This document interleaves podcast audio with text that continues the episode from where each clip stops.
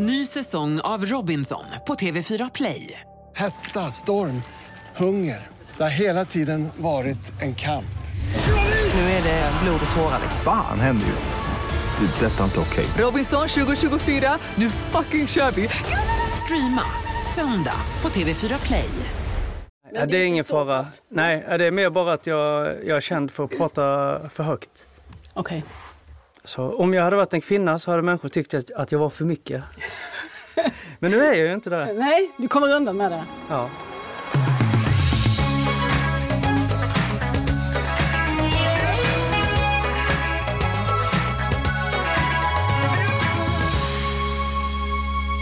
Hej, kul att du har hittat hit till Pocketpoddens 108 avsnitt. Jag heter Lisa Tallroth. Mm. Och när Birgitta föds i juni 1950, då är hon prinsessan på Kanalgatan i Sibbhult. Och det finns hopp, även om hennes liv. För hon skulle få leva i ett land som erbjöd socialt skyddsnät och fler möjligheter än någonsin. Så inleder Patrik Lundberg berättelsen om sin mamma. Romanen Fjärilsvägen. Det här är en bok som fick bli svaret på frågan vad dog hon av din mamma, bara 67 år gammal? Vad hände med hoppet? Och vad hände med folkhemmets ljuva drömmar? Det här ska vi prata om nu, för Patrik Lundberg är dagens gäst. Varmt välkommen hit Patrik. Tack så mycket. Du är både författare och journalist. Anställd på Dagens Nyheter numera. Den senaste tiden har du och några kollegor jobbat med en uppmärksammad granskning av Sveriges internationella adoptioner. Och det här är ett tema som du ju också har behandlat, fast då mer existentiellt självbiografiskt, i din debutroman som kom 2013, heter Gul utanpå. Men nu då, Klipp till det som jag tror kommer gå till historien som Patrik Lundbergs stora genombrott. Den här boken, Fjärilsvägen. Tror du inte det? Ja, jag vet inte. Det kanske blir som eh, Thomas Ledin, att när jag, när jag framträder om 30 år så kommer alla bara vilja prata om eh, en del av mitt hjärta. Ja, vi får se. Jag tror du kan ha fler hits i dig. Men just nu så är det den här romanen som ju blivit väldigt uppmärksammad. Och du har fått fara runt och prata om boken. Men så skrev du en artikel i Dagens Nyheter för en tid sedan med rubriken Ju mer jag talar om min fattiga barndom, desto mindre konstnär blir jag. Och vad var det som du reagerade på? Ja, precis som eh, de flesta författare så har jag jobbat så himla hårt med den här och tänkt så noga på hur jag ska gestalta bäst och skrivit om och skrivit om. Och jobbat med formuleringar och dramaturgi och allt det här som författare gör. Men sedan eh, när den här boken blev aktuell och jag eh, fick frågor om den i olika medier, då ville de bara prata om sakförhållandet om min mamma, om min upplevelse, hur det kändes att skriva om boken och vad jag tror att min mamma skulle tycka om boken. Och det är relevanta frågor, men det var precis som att eh, jag inte hade skrivit den. Det var ingen som frågade om mitt skrivande. Medan jag upplever att andra författare med andra bakgrunder, så kallade kulturbarn, som kanske inte heller har- har det så lätt, men de får en massa frågor om sitt konstnärskap. Eh, så jag upplever att eh, det värderas inte lika högt om man är då det här naturbarnet som eh, mot många ords eh, kan skriva sin berättelse. För du är inget naturbarn. Nej, jag är en produkt av svensk skola och en massa slit och jättemycket läsning. Det går inte att jämföra sig med Yahya Hassan, men det han ofta framhåller som ingen lyssnar på, eller framhöll, när han levde var att han till exempel var inspirerad av Edith Södergran och av en massa smala danska poeter. Men det var ingen som var intresserad av det. De, de flesta tänkte bara att han var liksom skriet från den här danska förorten och att han var en kriminell människa. Och, ja, han var också kriminell, men han var ju en kriminell poet Mm. framför allt. Men okej, så vi, vi kan ju börja där då. Vad har, du, har du några inspirationskällor som du tycker kunde vara värda att, också att få lyfta här? Jag läser mycket samtida litteratur och försöker inspireras Jag gillar att läsa personer i min generation. Jag gillar att läsa författare som är yngre än vad jag är, som har helt nya sätt att berätta på och det, det kan inspirera mig mycket. Till exempel Tove Folkesson som är i min ålder som, som skriver lite prosalyriskt och liksom kan bända på språket på ett sätt som jag kanske känner mig obekväm med. Men när jag läser henne så känns det som att ja, men då kan vi också. Mm. Alltså det finns det ju som bekant inte riktigt några vattentäta skott mellan liv och dikt. Och jag tänker att det är också en stor poäng med litteratur, att den öppnar upp till insikter om livet och samtal om livet och att eh, riktiga erfarenheter får ord. Att det då och då lyfter från boksidorna. Vi ska se hur vi klarar det här snacket nu då mellan författaren Patrik Lundberg och sonen Patrik Lundberg. För det är ju de två rollerna du har gjort det här, eller hur? Som du har skrivit om din mamma. För det är om den fjärilsvägen handlar. Här finns ett du och här finns ett jag. Du talar till din mamma. Och vi kan ju förstås då också säga att den handlar om en mamma. Eller att den handlar om en människa. Människan Birgitta Lundberg. Och hon dog för drygt två år sedan nu i februari 2018. Och eh, det är där ungefär som du börjar texten också. Vill du läsa det första alldeles inledningen? Ja. Sista gången jag såg dig i livet förstod jag att du var död. Det var sommar. Jag hade kört till den lilla ort där du numera bodde. När jag ringde på dörrklockan tog det flera minuter innan du öppnade. Dina ögonvitor hade gulnat. Din buk hade svullnat upp. Du hade blåmärken över armarna och ditt hår hade tappat glansen. Din doft gick inte att känna igen. Du vände dig om och greppade din rollator, hasade dig fram och förklarade att du ibland måste sitta i rullstol. Dina fötter värkte som vore varje steg på glassplitter. Det hade de gjort i evigheter. Du hade fått diabetes. Du hade torgskräck och panikångest. Om kvällarna lyste blåljus ofta upp din garageuppfart. Du hade nyss fyllt 67 år. Um, och så börjar Fjärilsvägen. Och um, som man förstår, ännu mer kommer det ju fram genom boken att det är mycket, framförallt här mot, mot slutet av din mammas liv, så är det mycket frustration och sorg och ilska. Ni tappar delvis kontakten under vissa perioder. Um, och sen så kommer vi till den här punkten och hon dör. Eh, och då bara funderade jag på då, när går du från att vara son till att bli författaren till den här historien? Det var en insikt jag gjorde på hösten efter att hon hade gått bort när jag läste en eh, undersökning från Statistiska centralbyrån som visar att livslängden i alla grupper ökar förutom den förväntade livslängden bland lågutbildade kvinnor, för den sjunker. Och då förstod jag att eh, ja, det kanske fanns andra val min mamma kunde gjort. Hon kanske hade otur, med mera, med mera. Men eh, när man tittar och ser att hela den här gruppen har det lite sämre än många andra grupper. Då tänkte jag att den här berättelsen har ett existensberättigande. Att jag eh, via min mamma kan, eh, kan skriva om det svenska samhället från de här rekordåren, alltså efter andra världskriget, eh, fram till idag. För vad är det du ser när du tittar på, hon kommer då till världen 1950, kring skolavslutningstid i juni. Och du skriver ju om detta som ett folk, en folkhemstid och en folkhemsdröm som levde. Och vad, vad tänker du att den består av? Vad är det du ser då eh, 1950? Var startade det liksom? Det är ju lite en sån eh, match made in heaven att alla industrier går ju fantastiskt bra så det är så lätt att få jobb och marknaden går eh, spikrakt uppåt i Sverige samtidigt som Socialdemokraterna har skapat eh, sitt folkhem med eh, ett välfärdssystem som alla kan ta del av och du får fler veckors semester och barnen får folkskola och de får till och med lunch i skolan. Och sådana saker. Och även socialdemokratin och rörelserna kring socialdemokratin har ju skapat liksom en mall för hur du ska leva som en duktig socialdemokrat. Du kan försäkra dig via Folksam, och eh, du kan spela på kombilotteriet om du vill spela. Du handlar på Konsum. och sen när du dör så begravs du av Fonus. Så det finns en mall och om du bara går in i den där mallen så kommer så pappa staten ta hand om dig. Det var någon slags löfte om trygghet? Ja, och det har ju visat sig också att Sverige var mer jämställt än någonsin runt 1980. Sen var det andra saker som kanske släpade efter, som valfriheten till exempel.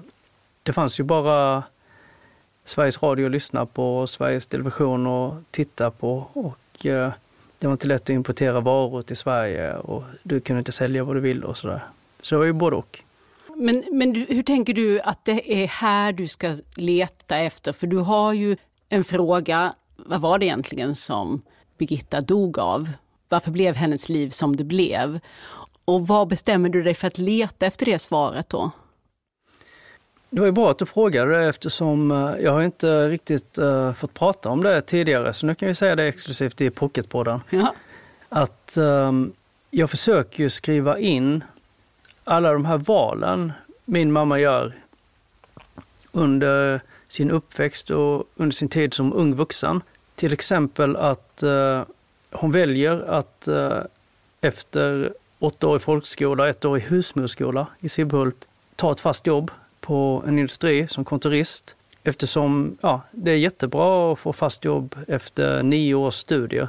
Men då har hon också valt att inte studera vidare och sedan när hon gifter sig med mannen som ska bli min pappa senare, då väljer hon att eh, gå ner till eh, 75 procent eh, på jobbet för att få mer tid i hemmet.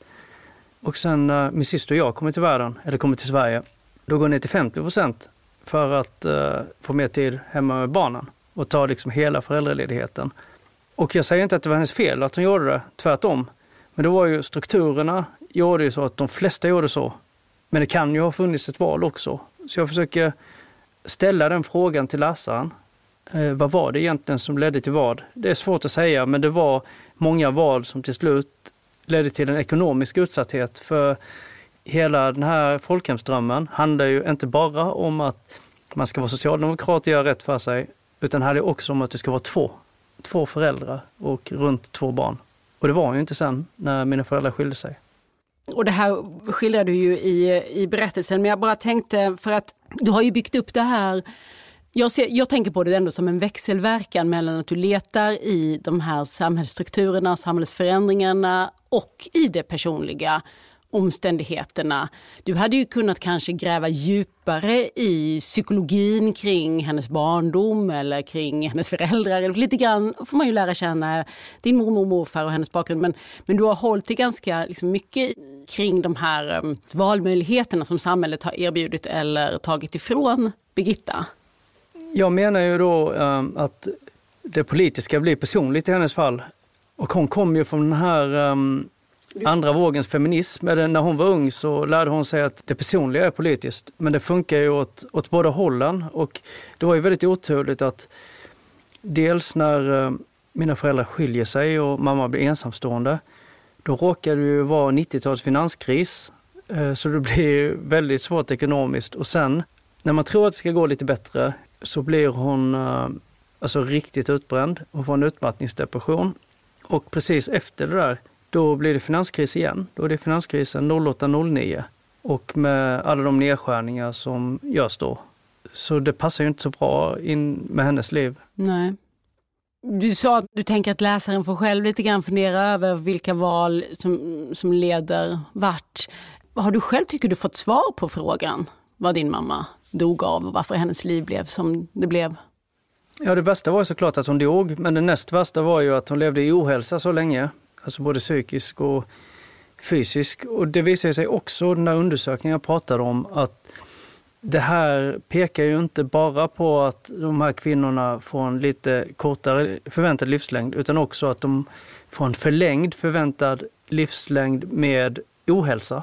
Så det är inte bara så att de förväntas dö lite tidigare än tidigare, utan också att de förväntas må sämre. Mm. Så det hänger ihop på något vis. Det är svårt att peka på en sak. Men eh, det kan ju handla om rena slumpen också. Efter eh, att boken kom ut så fick jag kontakt med min mammas bästa kompis i slutet av tonåren. Gun? Gun. Som fladdrar förbi i boken på ett par ställen. Ja, hon är en fantastisk kvinna som bor i eh, norra Skåne idag och har det ganska bra. De hade exakt samma förutsättningar när de växte upp, skulle jag vilja säga, efter vad vi har pratat om. Gun fick också lite problem med alkoholen och hade, hade det jobbigt ett tag. Hade en make som inte var så himla fantastisk. Men det var slumpen som gjorde liksom att hon tog sig ur det här och eh, idag så mår hon jättebra. Så det är ju, vad är det man säger, sliding doors. Men om jag förstår dig rätt, du har ju ändå en kritisk ton kring välfärdens nedmontering helt enkelt, som du beskriver i, i romanen. Att du tycker att skyddsnätet finns inte där riktigt för din mamma när hon behöver det. Hon gifter om sig så småningom med en man som avskärmar henne från omvärlden. Hon får, kan inte få den hjälp då som hon behöver och han tycks ju också behandla henne väldigt illa. Allt från övergrepp till liksom vanskötsel eller hur jag ska kalla det. Hon får inte den vård och hjälp hon behöver. Och att här tycker jag mig ändå höra att du tänker att samhället borde ha kunnat hjälpa till här på ett annat sätt. Det är inte bara slump och sliding doors. Nej, alltså oavsett vem som styr Sverige, nu är det egentligen bara Moderaterna och Socialdemokraterna som har styrt Sverige och kanske delvis Centerpartiet eh, i den moderna historien, så säger alla att alla ska ha det så bra som möjligt och visst, man ska tjäna på att jobba och hela den här biten, men eh, de allra svagaste ska vi ta hand om när de får problem. Och det är ju lite det socialdemokratiska löftet att du, du ska arbeta hårt, du ska betala skatt och du ska göra rätt för dig. Och sen finns staten där eh, när du får problem. Men det har ju försvagats och eh, klyftorna har växt oavsett vilken regering vi har haft. Så det är ju ett faktum att det har blivit svårare att få hjälp när man ligger illa till. Mm. Och det är det som är slumpen lite grann, vem som hamnar i, i den utsatta situationen, tänker du? Det kunde varit Gun eller det kunde varit din mamma som det råkade bli nu. Ja. Är, det, är det där slumpen kommer in så att säga? Ja, på mm. olika sätt. Det är lite svårt att veta vad som vad. Men det är intressant, det, det är vissa läsare som har varit lite så arga på mig och kanske menat att ja, men, du som du framställer dig själv, alltså du Patrik, du, du är ett riktigt svin ibland och typ, ja, men din mamma hon får skylla sig själv som gjorde det här. Och jag ska inte moralisera över det, utan det är ju läsarens eh, då individuella läsupplevelse som leder dem till denna slutsats. Och det får man jättegärna tycka. Mm min bok är liksom ingen absolut sanning, inte mitt perspektiv heller. Och eh, om man tycker att jag har behandlat min egen mamma dåligt så får man hemskt gärna tycka det, för det tycker jag också ibland. Det är lite orättvist tycker jag att säga att det bara är en roman om Birgitta, för det är, du är ju också väldigt närvarande i den här berättelsen. Det är nästan lika mycket en historia om dig och eh, om din klassresa som du gör, som du berättar om. Och du skriver om hur den påverkar din och din mammas relation. Din syster är också en väldigt viktig person i ditt liv och i berättelsen. Och hon gör ju lite parallell resa. Hon, hon tar sig också bort från Sölvesborg. Även om hon väljer en annan bransch och en annan bana än vad du, äh, än vad du gör. Men, men ähm, det verkar också som att ähm, er klassresa, din klassresa, påverkar Birgitta, din mamma, på ett eget sätt. Det är nästan lite som att ni delar livsluft. Ju mer du tar, desto mindre blir det för henne.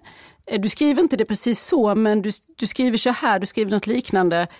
När du har kommit in, när du börjar din resa bort från Sölvesborg och har kommit in på en kurs på Malmö högskola och din syster har också flyttat till den vevan, så skriver du, då brakade du ihop från en dag till en annan. Visst hade du varit utmattad i perioder, men det här var något nytt. Du slutade fungera, bara sov som om du inte hade slutit ögonen under hela din uppväxt. Ja. ja, vad tänker du att, vad spelar Patrik för roll i den här berättelsen? Varför har du fått så mycket plats? Jag uppfattar det som att eh, när mina föräldrar skilde sig och min mamma fick eh, så ensam vårdnad om oss, då beslutade hon sig för att eh, sätta barnen främst. Det gör ju nästan de flesta. Kvinnor? Ja, kvinnor får man tillägga. Och eh, liksom, hon gick inte på restaurang en enda gång under vår uppväxt och hon käkade inte lunch på jobbet. Och liksom allt som var över gav hon till oss och hon passade upp oss så gott hon kunde och fixade liksom allt som två föräldrar gör. Och hon höll ut och gjorde det riktigt bra fram till i princip dagen då både min syster och jag flyttade hemifrån.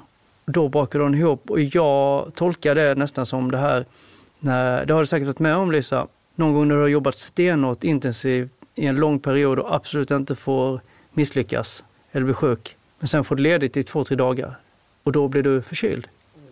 Anledningen, jag har inget självändamål i att skriva om mig själv, men jag vill visa att anledningen till att jag kunde göra en klassresa var ju de uppoffringarna mamma gjorde och att det är en ojämn ekvation i det.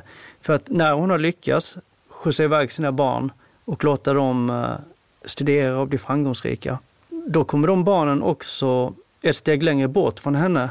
Man kommer hem och pratar ett helt annat språk och man kommer hem med mycket mer pengar. Alltså när man får sin första lön så får man mer i lön än vad, än vad hon någonsin hade haft och sådana saker. Så maktförhållandet eh, svänger helt och det skapar liksom en klyfta mellan mamma och barn som är så smärtsam att tänka på. Mm. Det skildras ju dubbelt i boken. Hon har, känner ju en enorm stolthet eh, över sina barn, över dig och din syster och eh, sparar alla tidningsklipp och skickar uppmuntrande vykort och så här. Men är det också någonting i detta som bidrar till att hon mår sämre, att hon bryts ner? Ja, det fanns ju, hon hade ju ett uppdrag, en mening. Och det var ju att eh, se till så att det går så bra för barnen som möjligt. Och sen en vacker dag så klarar vi oss själva och eh, vill förverkliga oss själva som människor har en tendens att vilja. Men sen är det ju en, ytterligare en del av den här omöjliga ekvationen. Där jag vet att Mamma hade haft det mycket bättre idag. Hon hade säkert levat. Om jag hade stannat i Sölvesborg, tagit ett av de industrijobben jag hade på gång och eh, besökt henne flera gånger i veckan och tagit hand om henne. Men då hade jag ju inte kunnat uppfylla mina drömmar heller. Och vissa tycker ju kanske det är själviskt till och med. Eh, jag eh, föreläste för ett tag sedan för en klass där alla personer hade annan etnisk bakgrund än svensk om Fjärilsvägen och då var det en som sa, men varför lät du inte din mamma flytta in hos dig? För det var ju helt självklart för den personen, för så är det i den kulturen. Och när jag fick frågan så, så tänkte jag, ja, varför gjorde jag inte det? Jag har ju också varit självisk och jag hoppas att det lyser igenom i boken och sen får man döma mig om man vill. Mm. Um, det sägs ju att en konstnär, en författare i ditt fall, inte kan vara lojal med någon annan än sin text, sitt verk.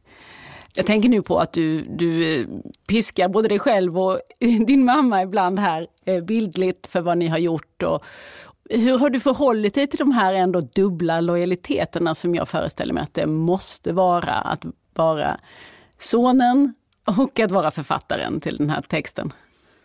Ja, litterärt har det faktiskt gått bra för där, där har jag kunnat tänka på textens bästa och eh, berättelsens bästa och verkligen ge det absolut finaste jag kan till eh, mina läsare.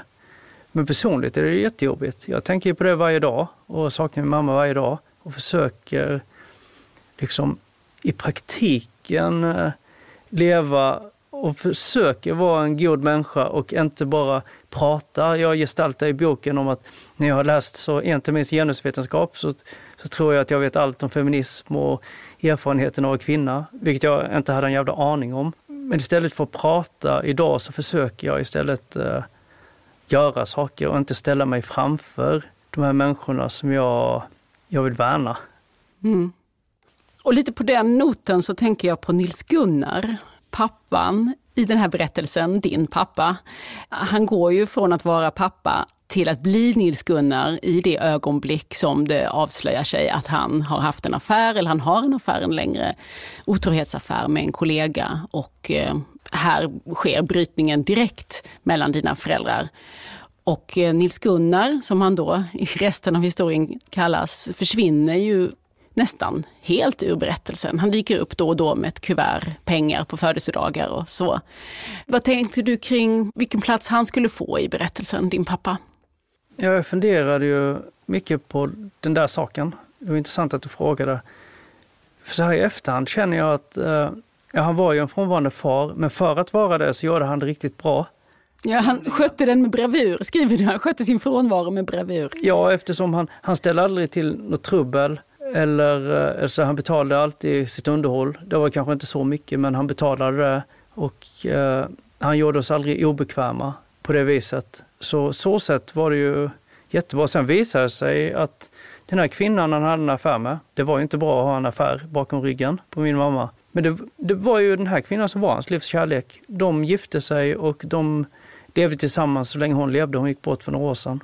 Så så kan det vara med livet också, men boken skrivs ju ur min mammas perspektiv. Så för henne var, var han en hemsk person under den perioden. Men du finns ju också med i berättelsen, så tänker jag att eh, Patrik i boken skulle kunna haft högre förväntningar på Nils Gunnar och sin far än vad det verkar som att han har. Är det för att du inte har haft det i, ja, i, i livet? Det var inte så att han var så himla närvarande de sista åren han bodde hemma hos oss heller. Det, det var det ju inte. Men ibland så frågar människor mig liksom, så hur är det att växa upp utan eh, pappa?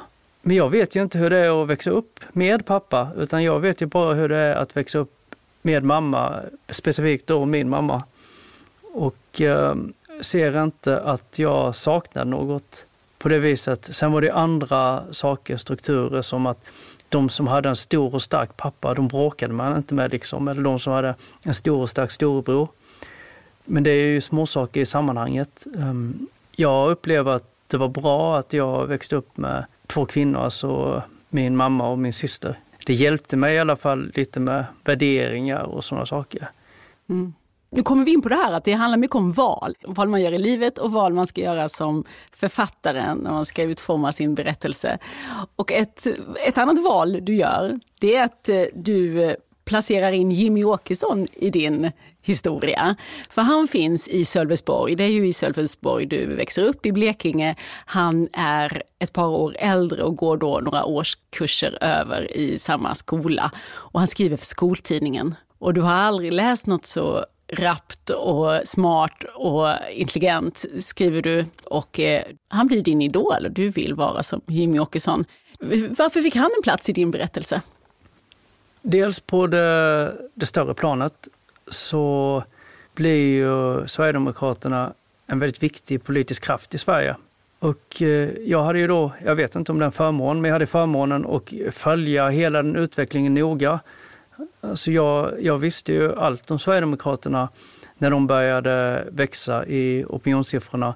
Medan många andra journalister, till exempel i, i Stockholm, som inte kände till vad som hände i Skåne och Blekinge, inte förstod vad det här var för någonting. Men personligen också att eh, utan honom så är det inte säkert att jag hade valt den här vägen eller att jag verkligen hade hittat den här glädjen och energin i språket som jag fortfarande tycker att jag har till viss del. Det var ju dels då Jimmy Åkesson men också författaren Per Nilsson som har skrivit så fantastiskt många grymma ungdomsböcker som var lärare på min skola. Och det var otroligt att det bara fanns en människa som var författare som skrev böcker i min närhet. Och bara förekomsten av de här två personerna som, som faktiskt skrev i min direkta närhet eh, gav mig den insikten om att man kan skriva i tidning, man kan vara författare. Mm. Sen har du ju som vuxen eh, journalist och kolumnist eh, varit ganska kritisk mot den politik som Jimmy Åkesson har kommit att eh, bedriva.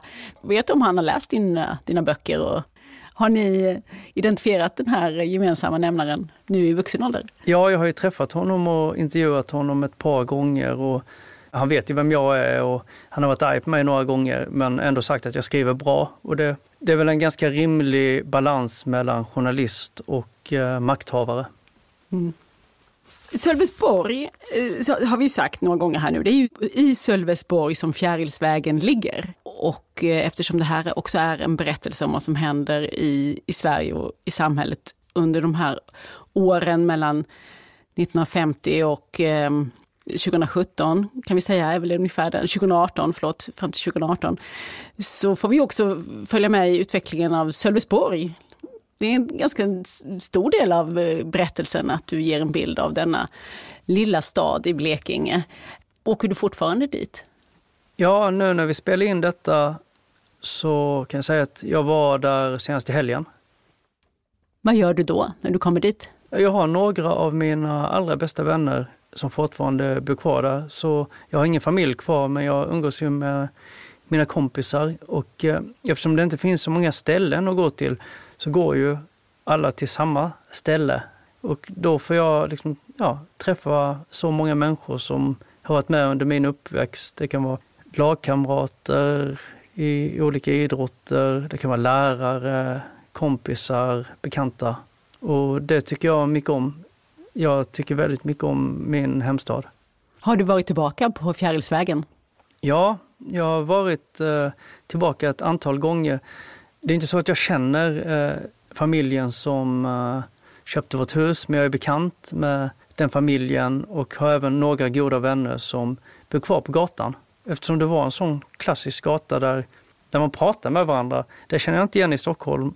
Personerna som bor i samma lägenhetshus som jag. Det är klart vi säger hej, men det är inte så att jag känner dem. Men i, i Sölvesborg på Fjärilsvägen så kände alla varandra. Och hur är det att vara, att stå där på gatan, Fjärilsvägen, där så mycket av din barndom har utspelat sig? Jag känner mest glädje ändå. Det är klart eh, att det finns mycket sorg över eh, min mammas öde i livet. Men det fanns ändå mycket trygghet eh, där jag bodde. Och jag tycker det är fint att, att jag är någonstans ifrån och att jag inte har behövt fly min hemstad och att jag inte behöver avsky den utan att jag känner trygghet när jag kommer hem. Det är jag glad för. Jag känner många som har stuckit från sin lilla håla och som hatar det. Men det kan inte jag säga att jag gör. Du har ju i dina tidigare böcker behandlat småstaden och Sölvesborg också. Så man, de här blandade känslorna har du liksom umgåtts med ganska mycket, eller hur? Jag har hört dig kalla det för mellanförskap. Detta att varken vara hemma eller borta som du då som återvändande person blir i Sölvesborg. Både Gul utanpå men också romanen Onanisterna, kanske framför allt, den handlar ju om Sölvesborg. Ja, det gör den verkligen. Jag tänker att alltså för egen del så är det också så att jag har behövt gå hela vägen runt. Jag tror att alla människor behöver det. Att eh, du behöver en period när du verkligen tar avstånd från dina föräldrar, kanske från dina syskon, från dina kompisar, från din hemstad och säger att här är ingenting för mig. Men sedan när åren går och jag funderar på, ja men det var ju inte så tokigt ändå. Det var ju bättre än vad många andra av mina kompisar från andra städer berättar. Och så har jag mognat till det att jag är väldigt stolt och glad över staden jag kommer ifrån.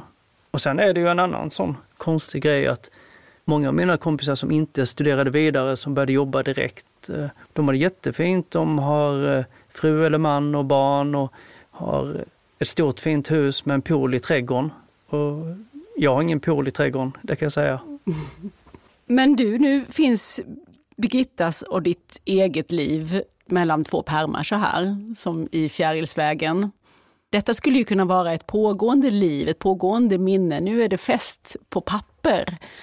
Blir det mer begripligt eller skapar det distans att skriva om ett liv så här som du har gjort? När Fjärilsvägen kom ut i inbunden form så pratade jag om den flera gånger per dag i olika medier och det pågick i veckor, i nästan månader. Det tog aldrig slut och när jag satt och pratade om det så kändes det som att jag bara tryckte på play och eh, sa mina talepunkter. Att jag återupprepade samma saker. Då kändes det knappt verkligt. Då var det som om jag pratade om karaktärer och inte om mig och min syster och min mamma. Men nu när jag tänker på det idag så känner jag känslor igen.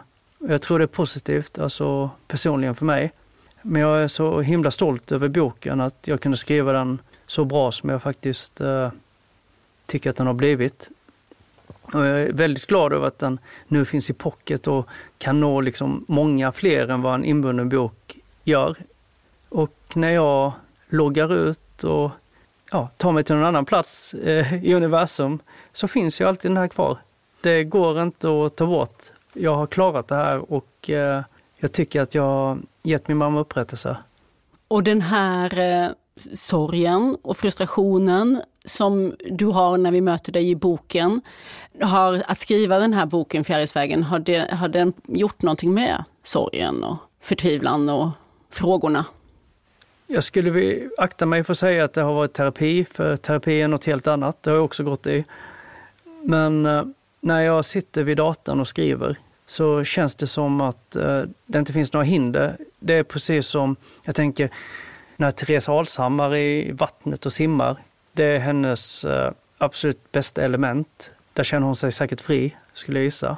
Och när jag skriver så känner jag likadant. Då har jag kontroll över situationen och jag kan berätta saker som jag vill berätta dem på ett mycket bättre sätt än när jag pratar och, eller gör något fysiskt. Mm. Här grundar ju sig lite i att skrivande var min kanal från när jag var liten. För som du och alla lyssnare säkert kan räkna ut så var jag kanske inte liksom den mest populära personen på skolan. Jag var inte störst och starkast, inte bäst på något direkt och jag var ju absolut inte rik, vilket framgår av boken. Men du var rolig? Ja, jag var ju rolig, men det var också kanske ett skydd från att bli eh, sårad. Men just när jag skrev så fanns det inga hinder när jag trädde in i den här världen och så känns det fortfarande.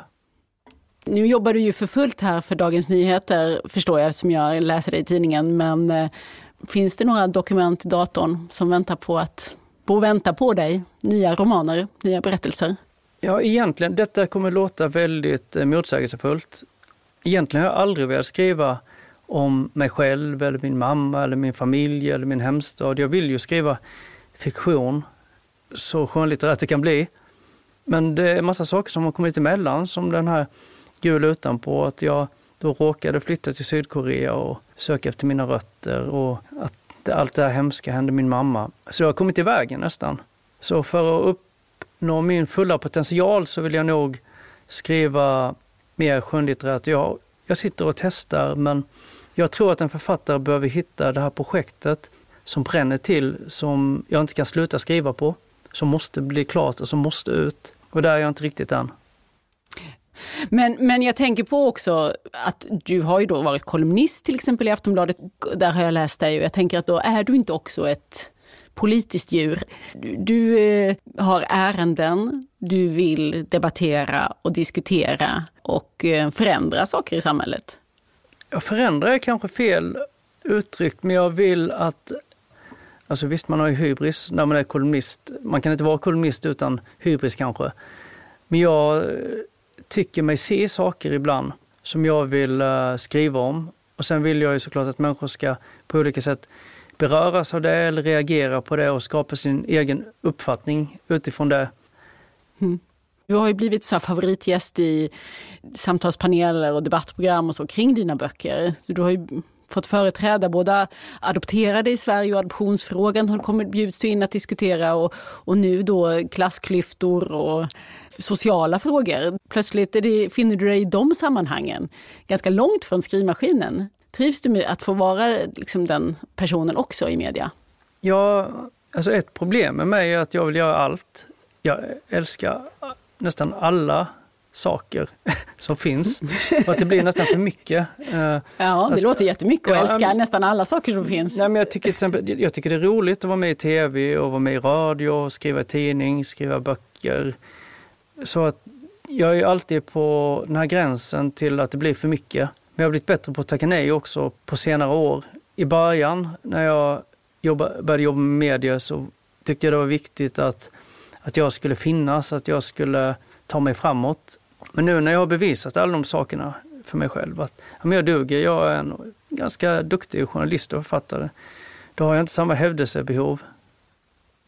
Jag är väldigt glad att du tackade ja till oss här i Pocketpodden i alla fall. Att du inte kände att gränsen gick där. Nej, alltså jag älskar ju pocket. Eh, de flesta böcker jag läser är pocket. Så är det bara.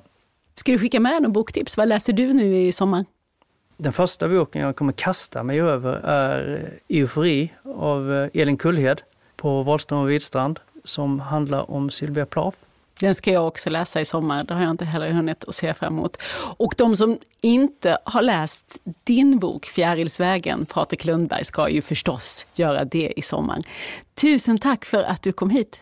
Tusen tack Lisa.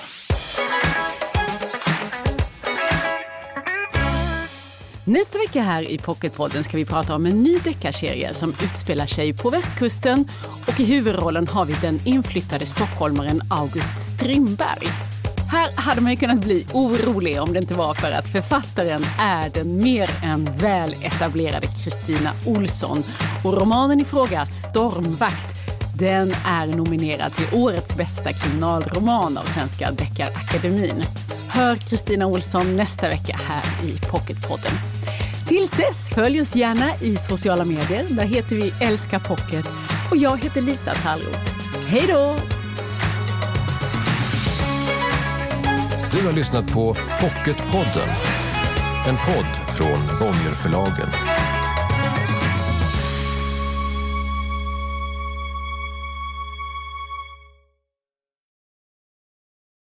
Ny säsong av Robinson på TV4 Play.